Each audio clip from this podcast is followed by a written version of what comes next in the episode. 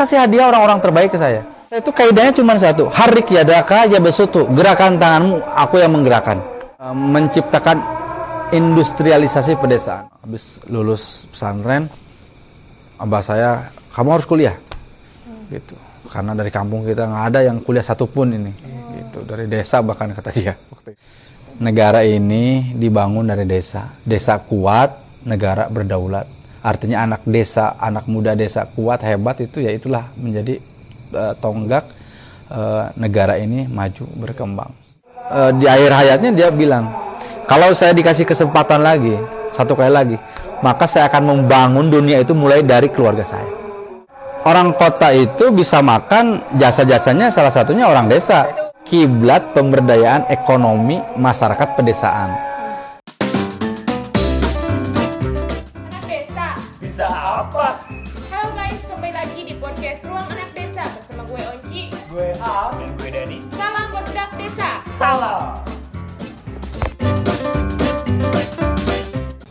Assalamualaikum warahmatullahi wabarakatuh. Waalaikumsalam warahmatullahi wabarakatuh. Oke, balik lagi di podcast Ruang Anak Desa bareng gue Dani.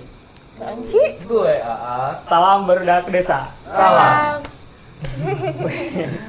Oke, oke. eh, di episode kita kali ini kita sedang berkunjung ya. Iya. Iya. Biasanya kita mengundang, tapi kita Eh, berkunjung Tapi karena kita berkunjung. Nggak sopan saya. Tapi kita bersyukur karena tempatnya Masya Allah. Nah, itu jawabannya. Nah, Kita harus First tahu. impression saya ketika ngeliatin Wih, ternyata di kita tuh ada ya yang Ada seperti ya, ini. iya. gitu. kayak kayak gimana gitu. Kirain tuh di, di hanya di di kota aja gitu. Jadi kayak mindset apa? Brandingannya Iya. pesantren, tapi suasananya bisa senyaman ini, se semodern ini. Ini ruang anak desa ini. Iya. Boleh pakai ruang anak desa. Hebat, hebat, hebat, hebat, hebat. Oke. Jadi kita kita sekarang sedang di ada di di pesantren Al Muhtadin ya. Al Muhtadin. Kita sedang ada di tepatnya di di Cirac Cikangkung. di Cikangkung. Tepatnya di Cikangkung dan alhamdulillah kita dikasih waktu buat ngobrol langsung bersama Kang Kang Griansa. Oke. Langsung aja mungkin ya Oke, boleh.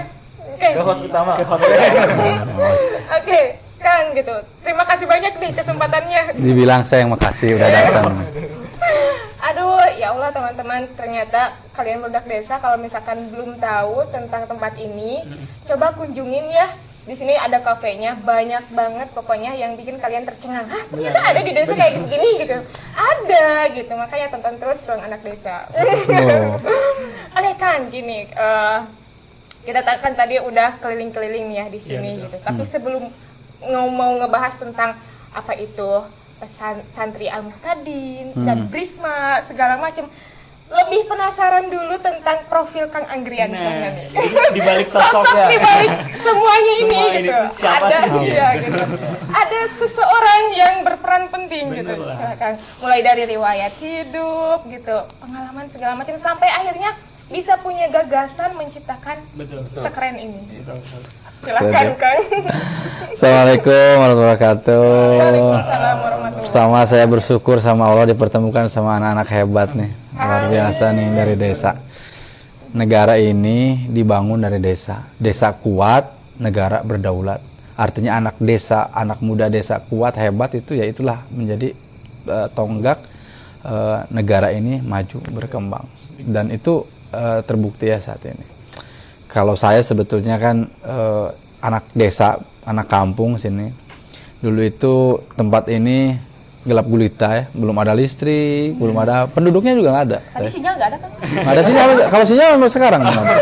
Serius, saya sampai ikhtiar punya tower kan itu. Oh, Kalau di sana ada wifi, oh iya. Bebas. Ya harus dong. nanti saya kasih vouchernya harusnya nih anak-anak.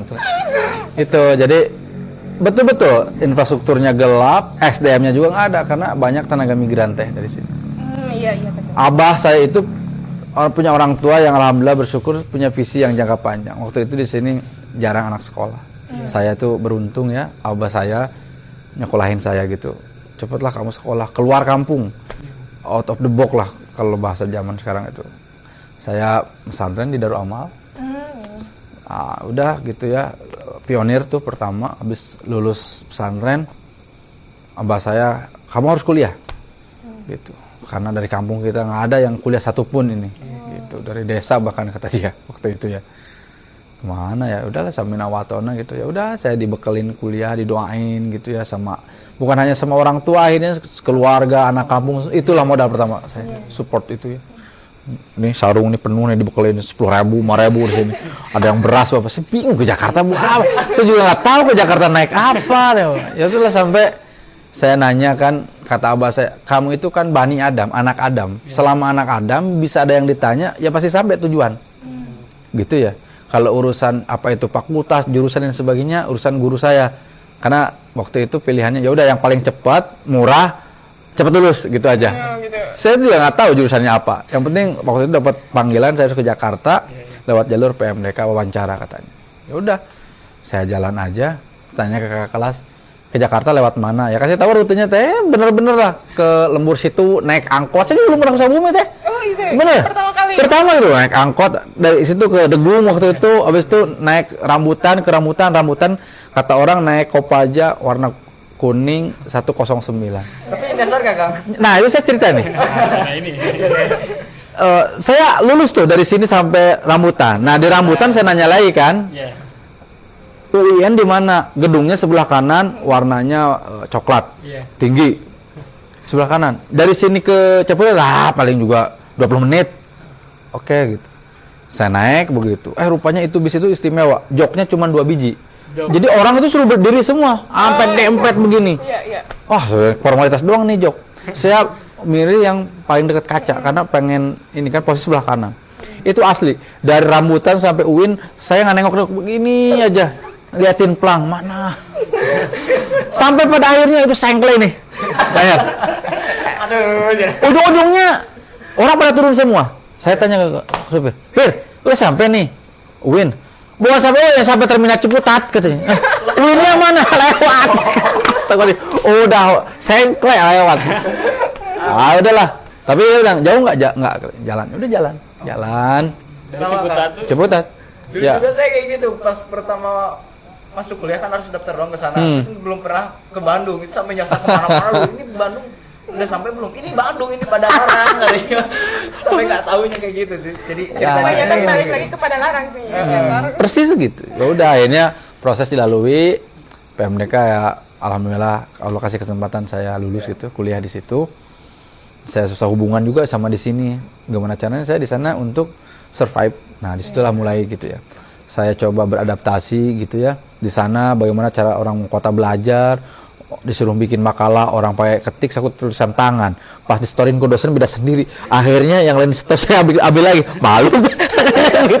ditanya kok nggak ngerjain tugas buat ngerjain dos ini berlaku nggak begini kamu itu ngapain ini kayak anak SD kan nulis begitu dirubah tuh mulai itu belajar komputer teh Oh iya. Tapi Oh. itu mohon maaf, eh, itu tahun berapa ya?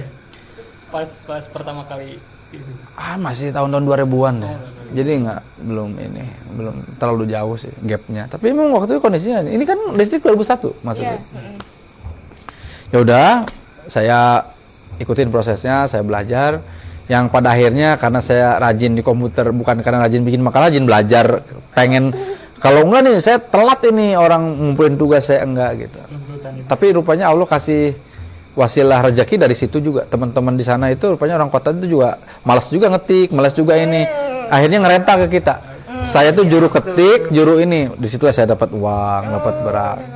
Sampai pada akhirnya lama kelamaan saya terkenal eh, pembuat makalah orang gitu. Ya udah ya buat makalah begitu untuk Tapi nilai sendiri gimana Kang?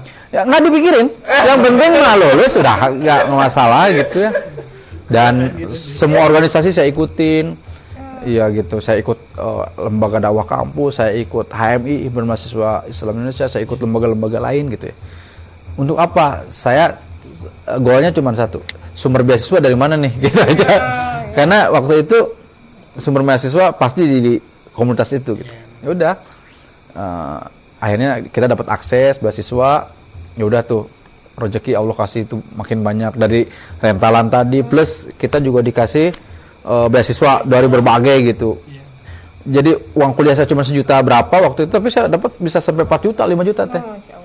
Ah, ah, iya masuk gitu. Wah itu rezeki masya Allah. Ya udah tuh dari situ eh, ada pemilihan badan eksekutif mahasiswa. Karena saya punya kartu organisasi dari berbagai organisasi saya ikut audiensi. Alhamdulillah waktu itu saya terpilih dari Parma Partai Reformasi Mahasiswa. Naik eh, jadi calon presiden BEM alhamdulillah saya dapat ceritanya nah di situlah eh, awal mula nih mulai nih tet tet tet habis itu ya udah saya eh, dikasih Allah kesempatan untuk keliling ASEAN dan sebagainya. Nah dari situ sebetulnya awal mula saya mulai untuk eh, oh iya goal hidup setelah ini saya mau ke mana? Saya harus punya plan, nggak bisa saya berleha-leha gitu.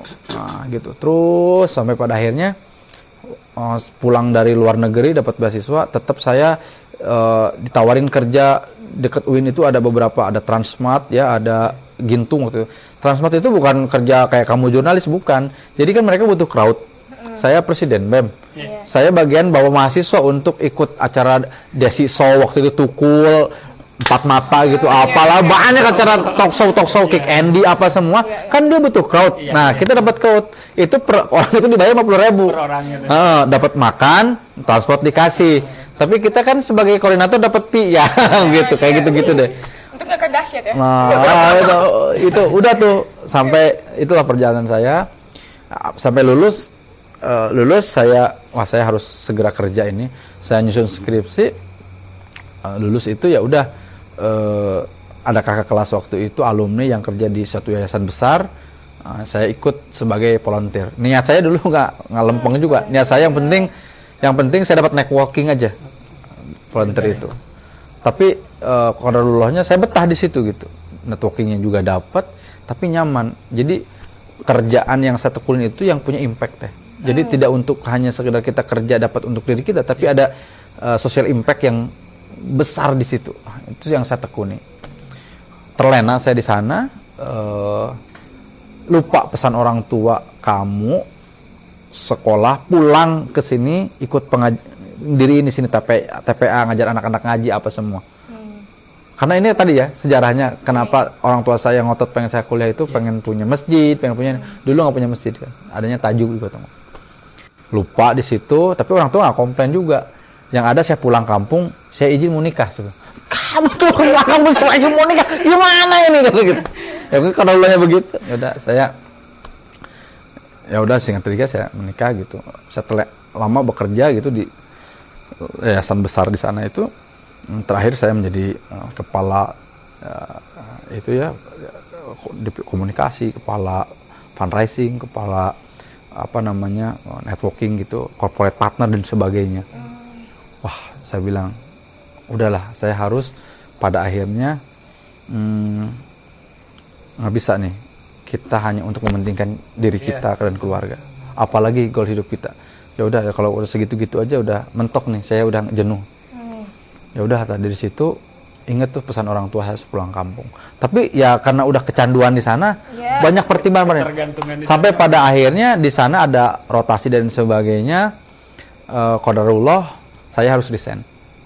Ya udahlah saya resign eh, karena di level pimpinan tertentu kan nggak bisa diperpanjang terlalu ini kalau mau harus pindah divisi dan sebagainya. Saya sudah memutuskan inilah saat yang tepat saya untuk pulang kampung gitu.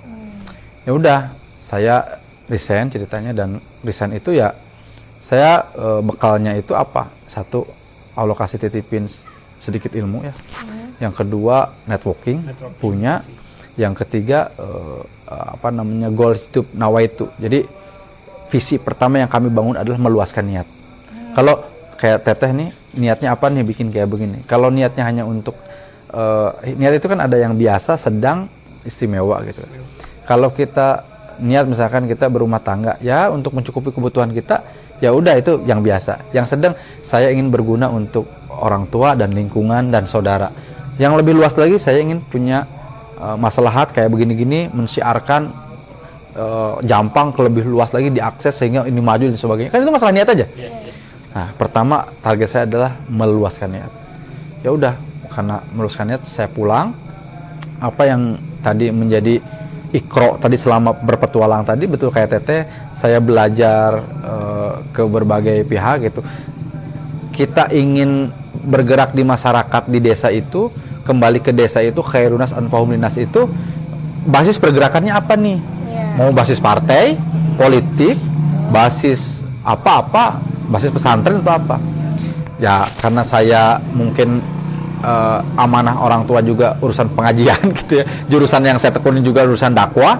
Eh, di lingkungan itu ya udah pergerakan yang saya bangun itu adalah pesantren teh tapi saya ingin melihat pesantren yang punya social impact gitu ya. Jadi bukan saatnya lagi masjid dimakmurkan umat tapi masjid sudah memakmurkan umat. Bukannya saat lagi pesantren itu mencetak generasi ini gitu tapi saatnya udah ke action gitu ya. Eh, pesantren bisa mensejahterakan bisa menjadi ekosistem ekonomi dan lain sebagainya. Sehingga eh, lulusan pesantren itu punya keberdayaan punya kemandirian ekonomi dan lain sebagainya tapi yang kita bangun adalah di desa maka kita harus ciptakan sebuah ekosistem industrialisasi pedesaan. Itu sebetulnya gambaran-gambaran itu. Itu semua diturunin dalam sebuah rencana. Mimpi itu kita turunin lagi sebuah rencana. Rencana itu kita turunin lagi dalam sebuah action. Jadi itu itu tahapan yang kita lalui. Nah, seperti Rasulullah kalau sudah di tahapan ini yang paling pertama adalah betul tadi ini udah keren nih tim. Kita harus bangun tim. Iya. ya akhirnya tim itu ada dua kan. Sahabat Rasulullah itu punya tim itu nggak banyak cuma empat tim intinya kan. Nah Khulafaur Rasyidin itu. Tapi dia itu satu punya influence yang kedua punya power. Dia punya pengaruh yang kedua ya punya kekuatan gitu, punya kebijakan gitu. akhirnya kita pilihin tuh teman-teman itu. Buatlah kita program di sini gitu. Ada dua program yang kita bangun di sini itu. Satu adalah social impact bagaimana eh, memberikan akses pengetahuan orang yang tidak punya pengetahuan punya pengetahuan melalui pendidikan. Baik itu formal dan non formal makanya di sini ada yang formalnya TPK TK apa gitu. Ada vokasi di sini. Eh, vokasi itu jurusan terapan pertanian peternakan perikanan gitu. Ada yang kedua memberikan akses eh, satu akses pengetahuan supaya yang gampangnya yang bodoh bisa pinter gitu. Yang kedua akses networking yang terbelakang jadi maju. Gimana produk desa ini dikenal oleh masyarakat.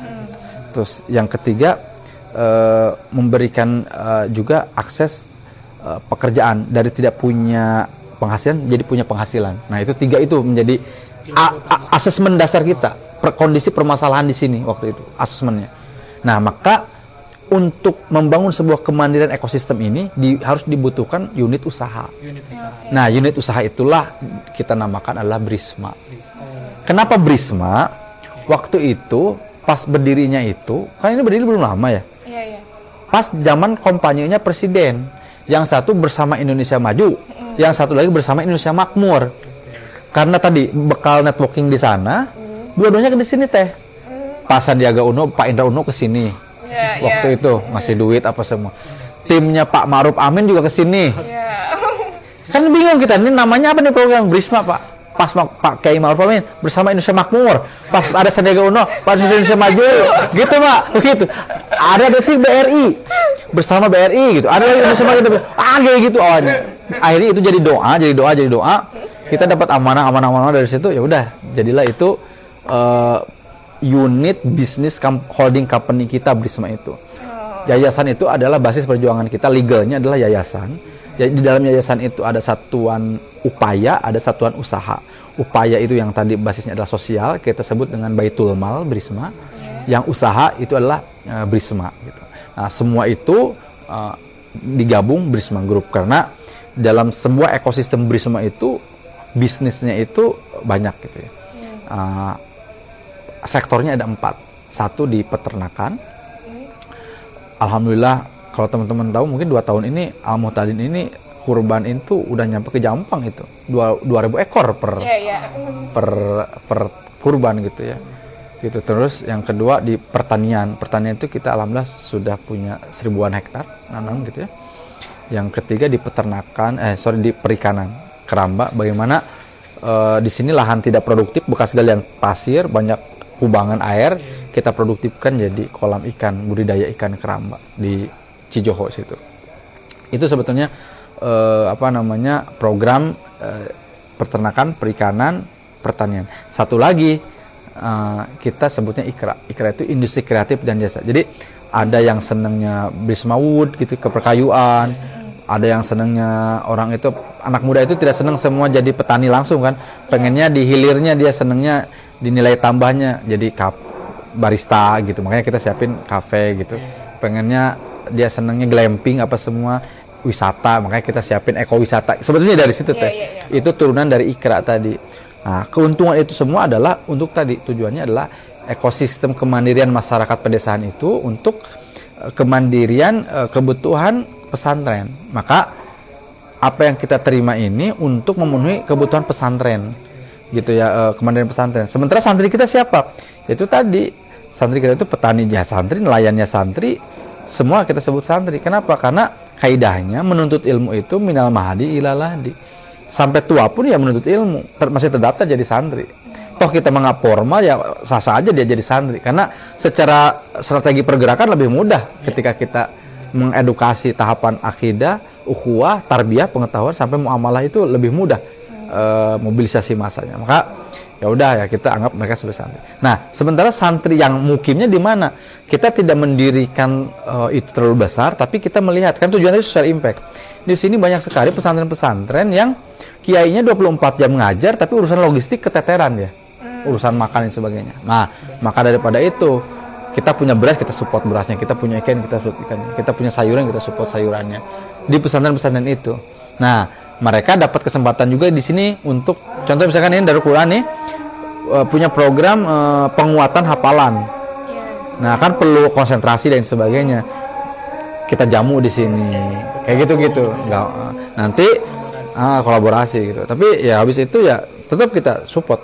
Kita ada punya beras ya support berasnya. Ada 12 pesantren yang kita Eh, Kang. Se- eh, eh, apa dari part pertama ternyata udah se Lah, ini penjelasannya makanya. itu. cerdas pertanyaan saya harus dijelasin iya iya Eh, tapi Kang sendiri ternyata udah sepaham itu dong den- dengan dengan Bisma, dengan pondok pesantren, dengan diri Akang sendiri gitu. Jadi saya udah apa ya eh, terlanjur menikmati apa yang udah dibicarakan mau nanya ya udah dengerin dulu aja ya udah. Tapi gini Kang, tadi ada eh, catatan yang pengen ditanyain. Kan mungkin itu pesan orang tua balik ke desa, Nah. balik ke desa gitu. Dari Akang sendiri nih, prospek dulu ya sebelum Hmm. bahas ke Prisma. Berat gak sih pertama kali pulang ke desa gitu? Hmm.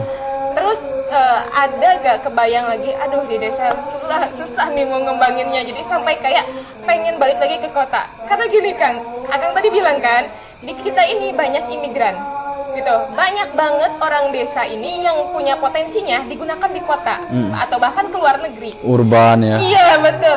Dan eh, itu sebenarnya kerasaan itu pernah saya alami ketika wah ini bahaya nih. Kalau misalkan di desa orang berkualitas dinyanyi-nyanyiin gitu bener-bener orang yang berkualitas beneran pergi gitu. Iya. akhirnya yang tersisa di desa hanya ya gitu-gitu aja gitu.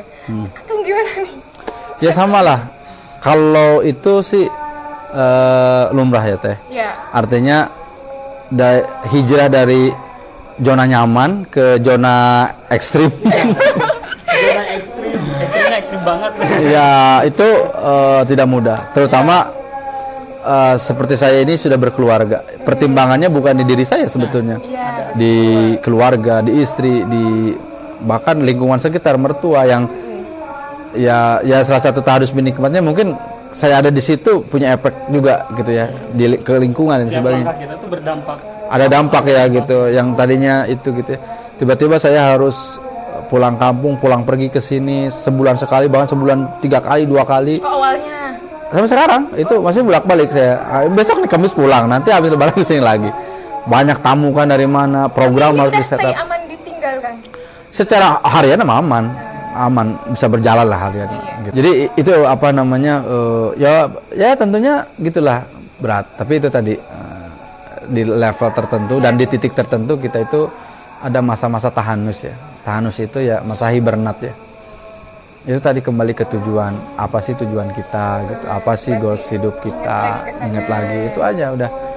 Eh, dan nyari teman yang menguatkan apa namanya melatih iman kita kayak gitu-gitu ya udahlah Bismillah gitu yang tadinya kita nerima gaji sekarang harus ngegaji orang kan gitu beda Berarti penguatannya tuh itu. iya ya mengingatkan lagi tujuan dan mungkin tadi yang poin yang Nawa itu ya. ya nawa itu itu Meluaskan niat. gitu tapi emang itu sih kang eh, peran kita kalau misalkan mau membangun sesuatu tekad harus dikuatin Hmm. Ya, gitu. betul, lalu betul. aja berdoa pagi-pagi ya Allah kuatkan tekadnya ya, enggak, bagus itu. gitu tadi ada apa ya Oke. agak agak sedikit menarik nih ini kan udah udah terrealisasikan mungkin ya kang Hmm. menurut akang udah belum itu sampai saat ini gitu. Baru mulai kita ini. baru mulai kan Oh, Eh, berarti untuk hal gitu itu ya. bisa terjadi kenapa gitu harus dengan pendidikan yang diunggulkan gitu Oh, pentingkan ya penting ini soalnya ya itu kan masalah mindset aja ya, pendidikan itu. Pilarnya pendidikan, kesehatan, yang biasa umum ya, agama gitu. Ya sebetulnya pendidikan itu, edukasi itu eh apa ya? Ya tarbiyah itu kan eh, inti dari siar ajaran agama gitu. Eh, Rasulullah itu eh, menghadapi kaumnya yang pandai beretorika, pandai dengan logika-logika dan sebagainya. Makanya mukjizatnya tidak seperti Nabi Musa. Dikasih kalamullah Al-Qur'an gitu ya.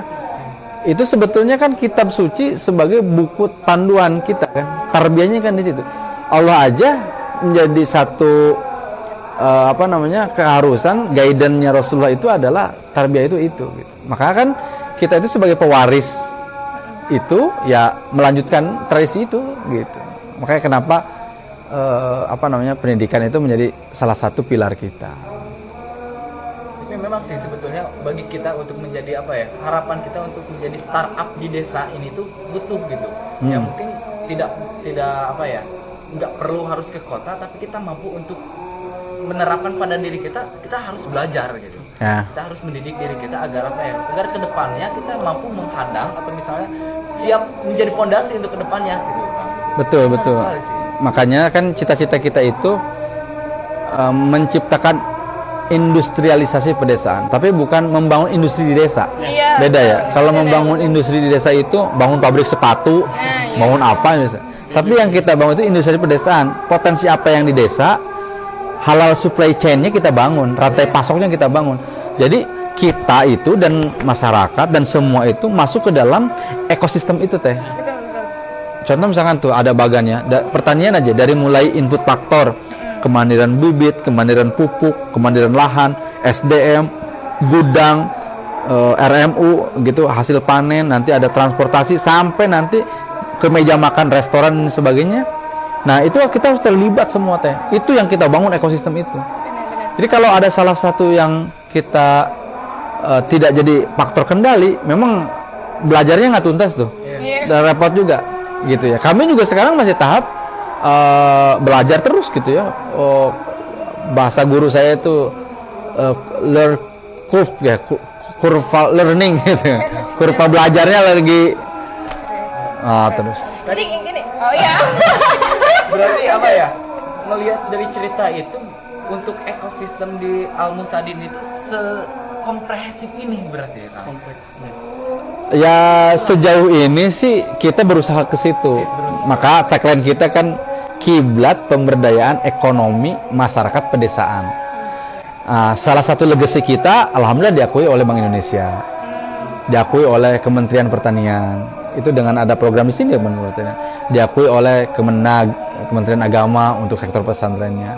Jadi pesantren itu fungsinya ada tiga kan satu sebagai pusat pendidikan Ya. kedua sebagai pusat dakwah yang ketiga sebagai pusat pemberdayaan umat. Nah di Sukabumi hasil riset kita hampir jarang yang bicara pemberdayaan di Bandung aja di Jawa Barat yang terkenal baru artifak gitu ya nah oh ya udah karena kita itu mungkin pengalaman atau backgroundnya di pemberdayaan gitu ya udah yang kita besarkan di pesantren pemberdayaannya gitu.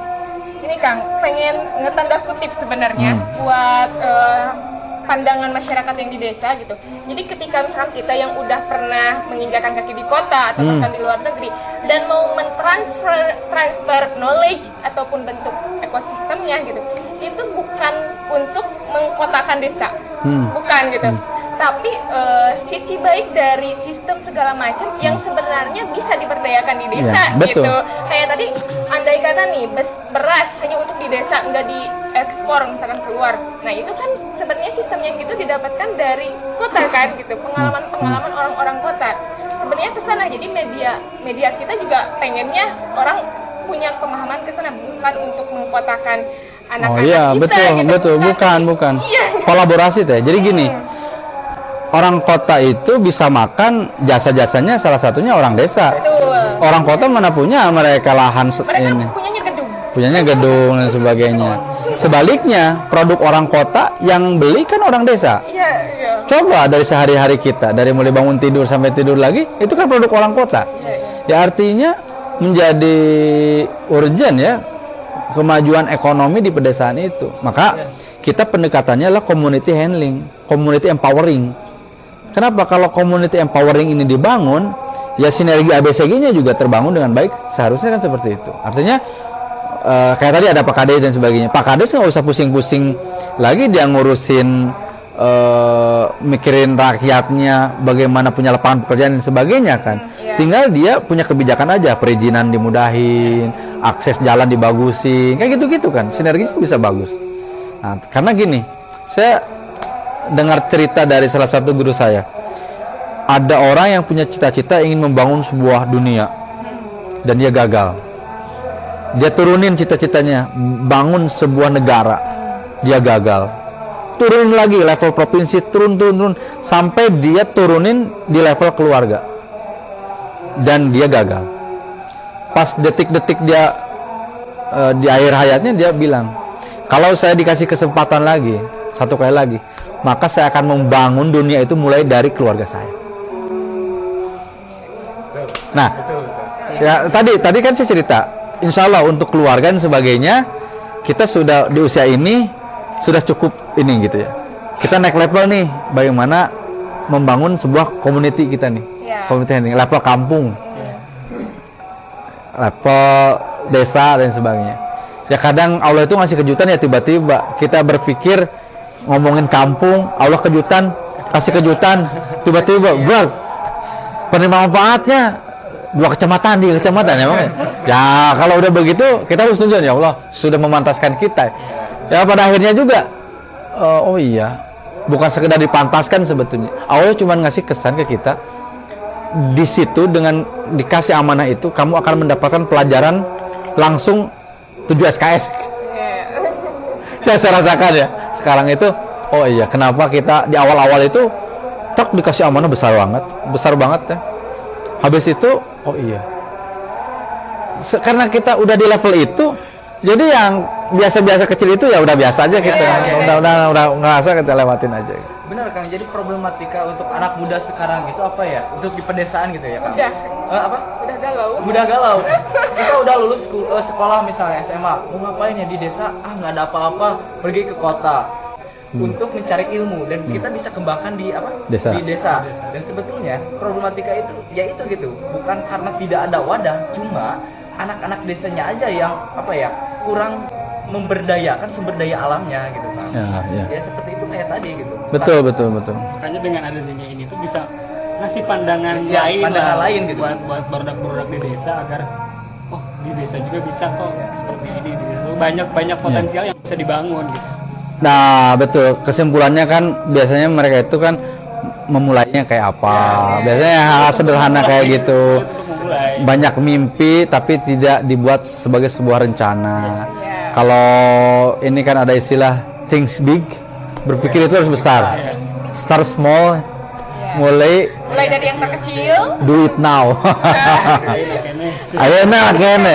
Itu kata ya ya Kang ini kan tadi Akang cerita tentang pengalaman organisasi ternyata ini orang kesekian kalinya yang saya dengar orang Jampang itu ketika dia bertransformasi ke kota gitu pasti bisa jadi orang kalau dia udah bertekad. Memang orang dari sebelumnya? Datang ke sini masih berubah.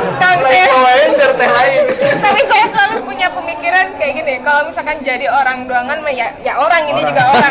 Tapi yang punya sumber ya yang punya sumber daya eh, kuat gitu berani berpikir bukan hanya untuk dirinya sendiri gitu nah itu yang sulit jadi ketua bem itu sulit juga dan akan bisa berhasil gitu sampai jadi ketua apa pun segala macam mendapatkan relasi yang banyak dan sebagus itu sampai akhirnya ternyata manfaatnya ada di sini ketika membangun Ya. Nah, semuanya kayak kayak terbantu yang tadi kan Jadi tadi Allah itu ngasih pajak itu disambung-sambung sama semua. Iya. Oh iya. Udah udah. Kayak Saya udah gitu. udah gitu aja itu. Nah, itu ya, pertanyaan berikutnya nih Kang ya. Hmm. Eh, ini kan pembangunannya bisa dibilang keren ya. Hmm. Terus juga konsep dari yang santri yang tadi akan bilang itu sangat beda dengan kebanyakan yang di Hmm. desa. Kalau yang di desa pasti santri di- dididik untuk misalnya jadi ustadz, ustazah. ya. hanya belajar kitab kuning gitu. Ya. Tapi yang akan lakukan itu memperdayakan SDM-nya supaya bisa turun langsung ke masyarakat Mhm. gitu. Nah, itu ide asal mula idenya kok bisa memilih ke sana plak gitu. Dan bisa jadi bangunan se- seperti ini gitu.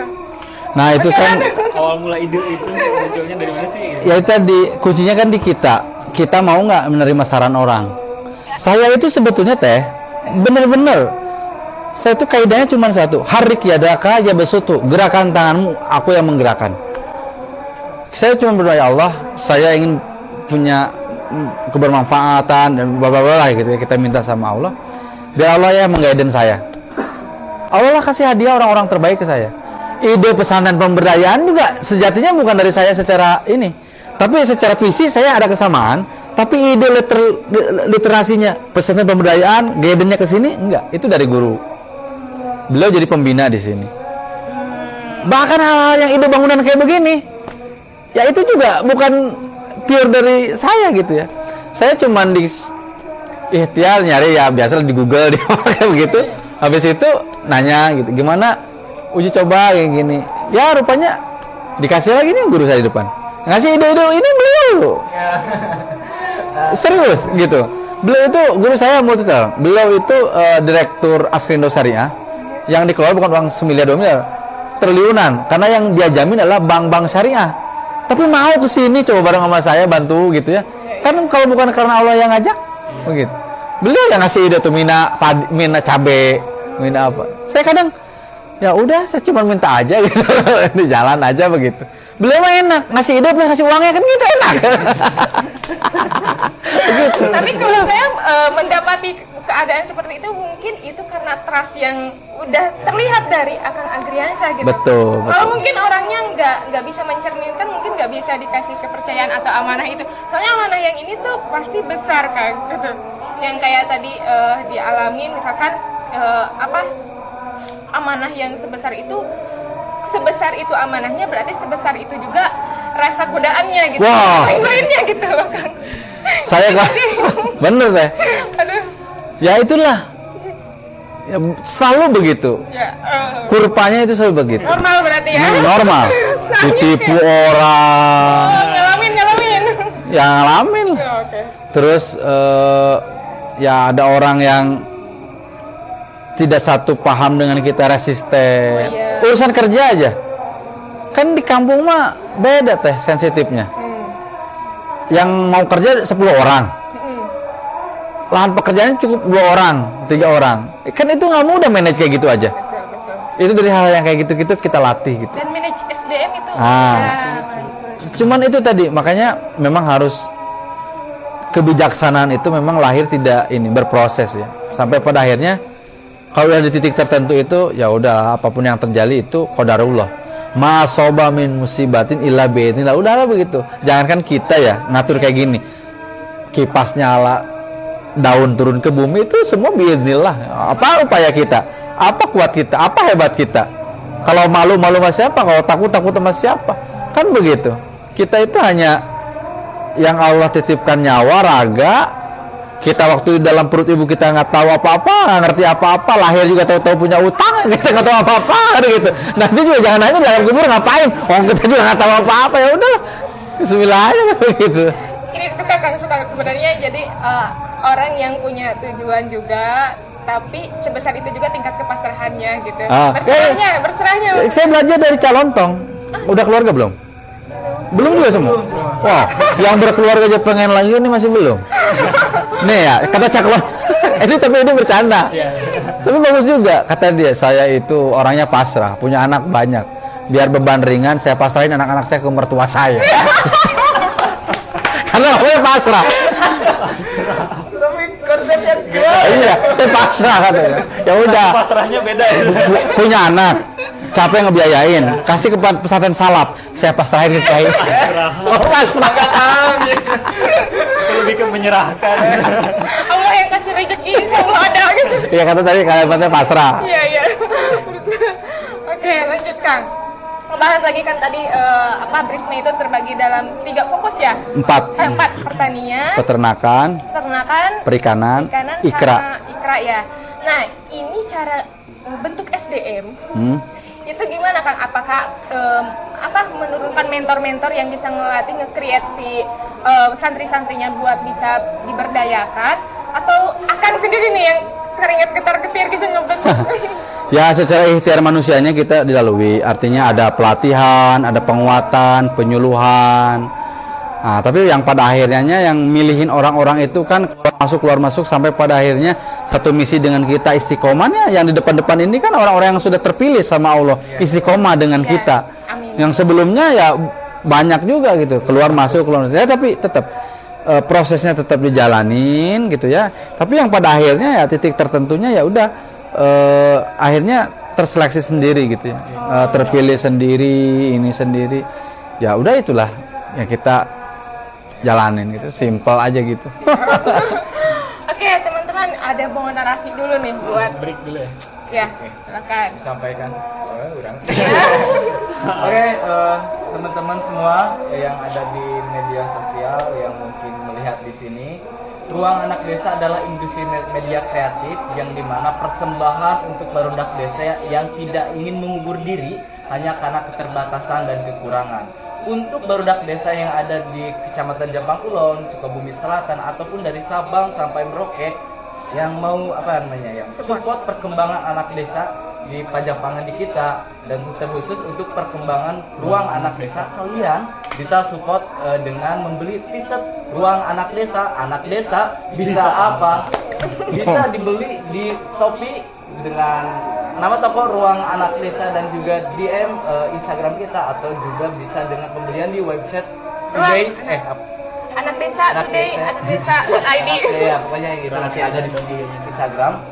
Nah gitu atau kalau tidak kalian bisa support dengan subscribe like comment dan Share. share ke WA ataupun Instagram kalian agar eh, apa ya podcast kita memberikan manfaat yang jejarinya lebih luas karena kita bertujuan bertujuan untuk mengangkat inspirasi motivasi dan juga Ngobrolin pandangan hidup. ya oke begitu Oke. untuk narasi ya Oke, Kang, ini sebelum masuk ke sesi kesimpulan nih ya, Nah. sebenarnya udah dapat nih poin.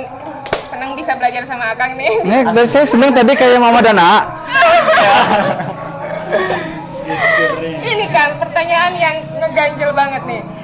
Impiannya, doa terbesarnya dari Brisma sama santri Muhtadiin Mu- Al Muhtadin ini ke depannya apa sih? Oh iya, itu Iya. mimpi besar kami itu terinspirasi dari Insinyur Saleh.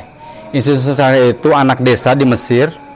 Dia itu sarjana yang pulang kampung, kemudian mm, dia eh, mendirikan usaha di sektor peternakan unggas waktu itu.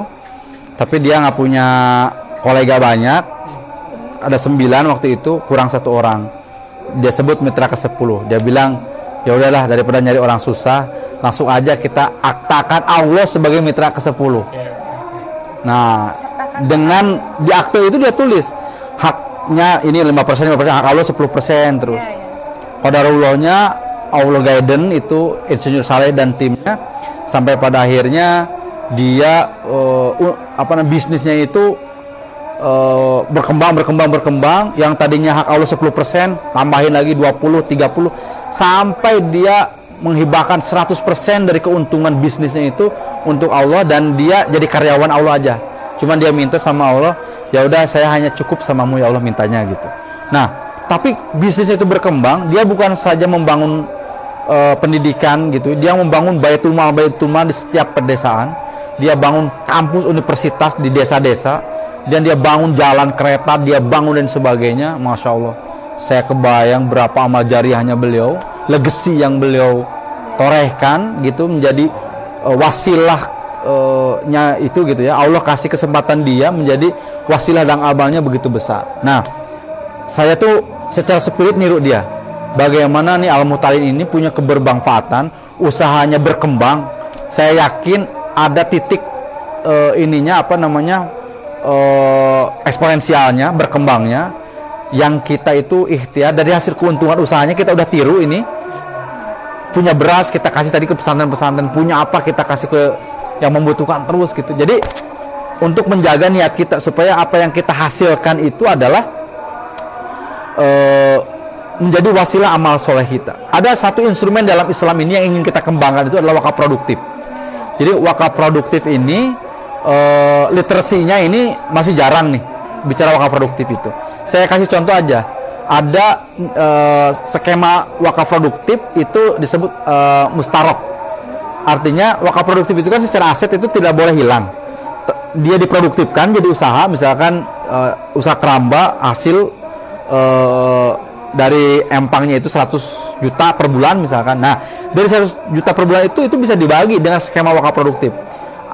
Satu untuk mauquf alai, penerima manfaat, tadi untuk santri-santri. Yang kedua untuk keturunan yang wakaf. Yang ketiga untuk nazir pengelola wakafnya. Dan itu skema yang keren itu. Iya, iya, iya. Nah, di kita itu kan ada ekosistem kemandirian ekonomi perusahaan itu salah satu itu lembaga keuangan. Nah, kita ingin mengembangkan di sektor itu. Jadi masyarakat akan mengakses dana-dana kita itu, dana komersial tentunya, tapi sumbernya wakaf, wakaf produktif yang manfaat itu tiga tadi. Nazir sebagai pengelolanya, tentunya dia harus punya bahan bakar dong untuk organisasinya. Yang kedua, dia bisa juga saving eh, untuk keamanan keluarganya, keturunannya.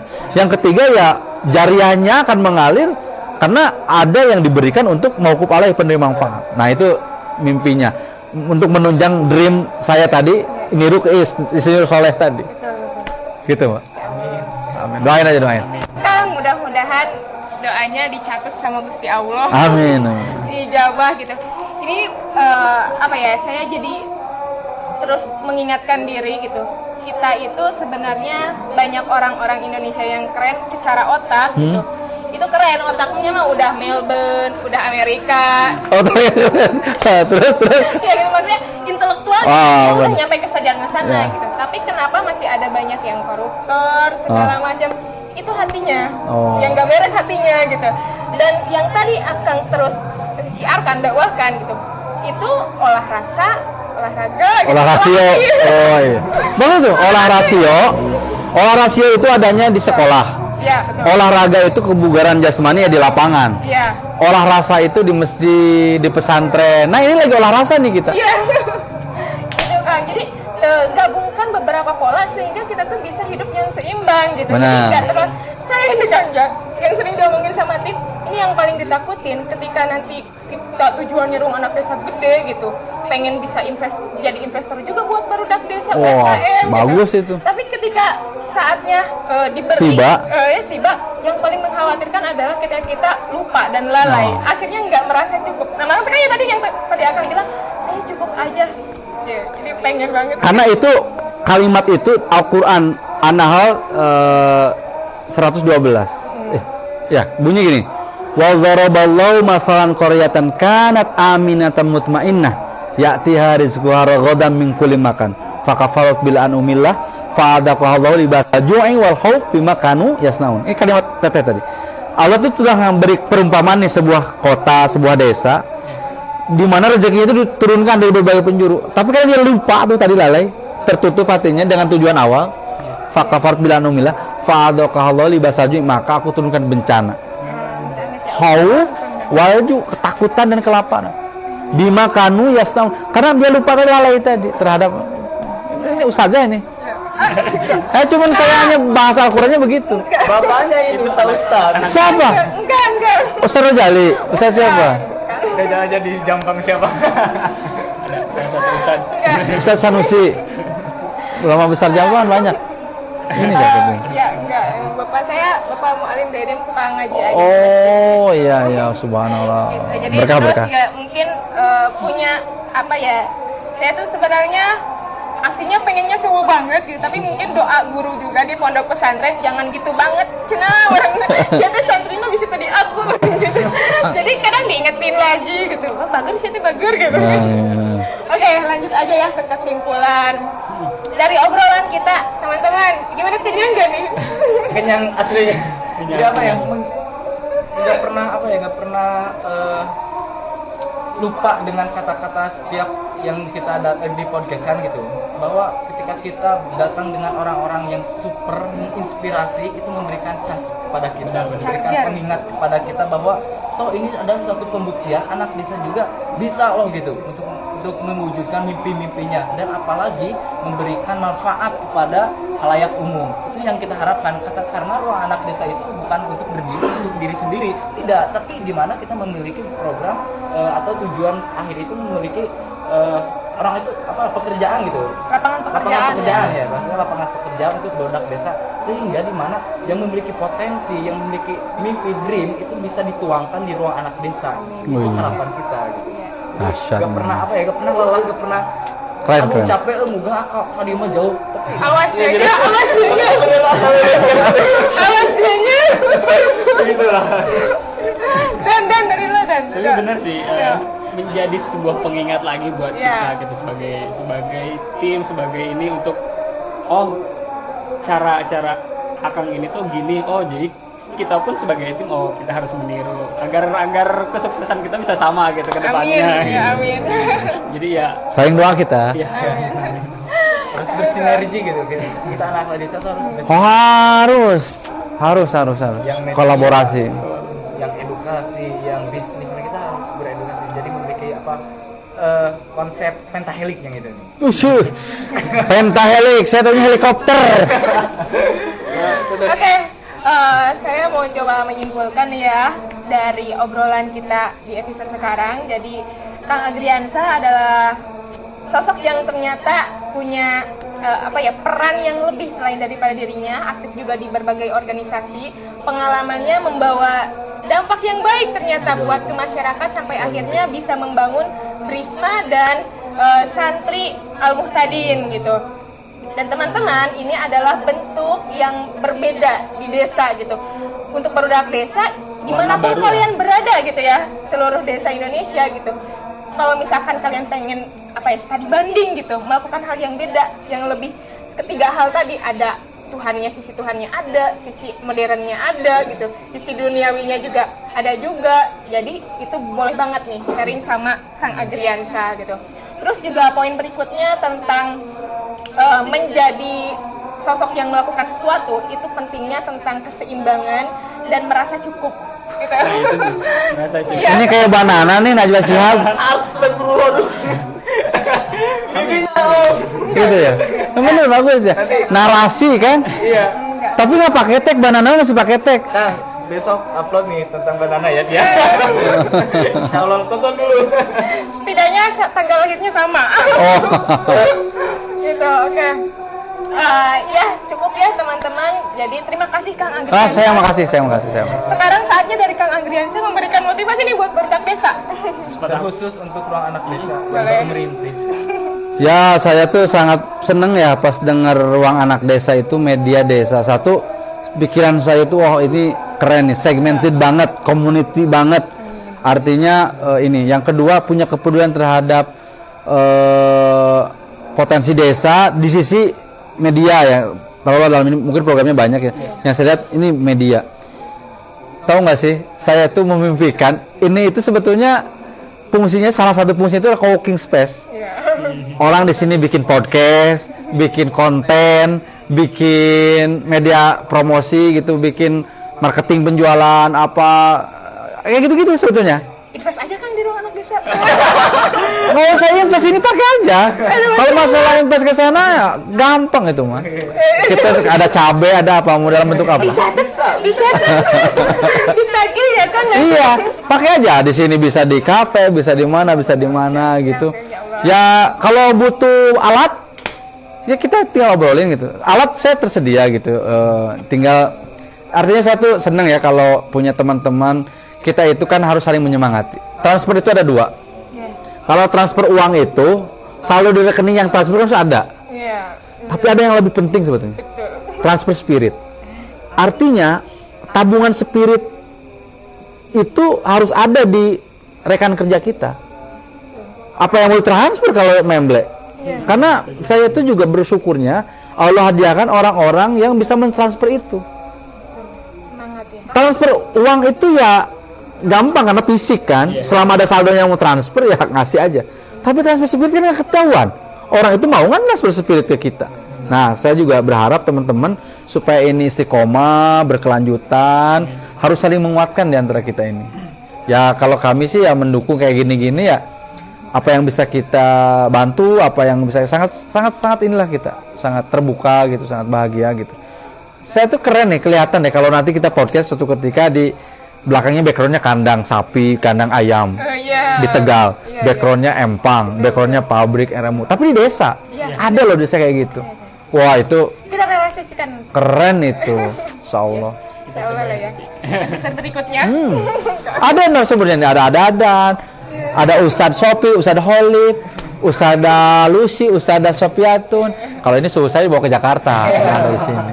Tapi Salam kan ini apa mau minta izin nanti lain waktu siapa tahu kita mau mampir lagi ke sini untuk mengangkat program kita yang namanya jelajah desa. Ya. Karena kalau misalkan podcast kita mem- memberikan inspirasi dari lewat apa ya pikiran dan suara kita. Cuma Hmm. kan untuk visualisasi eh, kayak keadaan Wisata, juga wisatanya di sini bentuknya jadi menjadi desa wisata juga. Masuknya Oh iya iya iya ekowisata kan namanya ekowisata. Jadi destinasinya itu tadi biasanya eh, ya kalau alamnya gampang ada pandan apa apa. Tapi yang lebih ini lagi di kita esensinya itu di ekosistem kemandirian ekonomi pedesaan wisata itu yang kita inginkan. Ekosistem ekonomi pedesaan basisnya itu pesantren. Bagaimana budidaya keramba, bagaimana budidaya ternak, bagaimana budidaya pertanian dan sebagainya. Kita insya Allah habis lebaran mau launching eh, happy itu children itu ya eh, bocah berpetualang. Jadi orang ke sini pendidikan karakter luar ruang kita ajarkan tadi sejak dini gitu ya. Iya, iya. Sejak dini tentang itu tadi potensi-potensi sejak- kita edukasinya sudah dari awal soalnya dari oh, dari kecil. Yes. Mantap kan. Ya, Gitu. Harus bangga dari kecil, bangga jadi petani, Bang. Tapi yang keren. Iya betul, yang berilmu gitu ya, iya. yang berkelas. Oke siap Kang, hatur nuhun. Sami sami sami saya buat makasih makasih. motivasinya, Buat buat niatnya, semua isinya, pokoknya kita ambil, kita serap, mudah-mudahan jadi ilmu dan bermanfaat buat kelangsungan Amin. kita ke depannya. Oke teman-teman, terima kasih buat teman-teman yang sudah berusaha mensupport kita, mau itu pembelian t-shirt ataupun sudah sering nih kalian banyak yang nge-DM DM dan bahkan baru-baru ini sudah banyak yang ngasih ngirim hadiah sama ruang anak desa. Terima kasih banget supportnya. Hamba Tuhan Allah ya. Nah, siapa itu yang ngasih PR? Mudah-mudahan kita sebagai ruang anak desa senantiasa selalu berkomitmen dan konsisten buat ngembangin Woi, ruang anak desa. amin amin. Keren keren keren keren keren. Oke.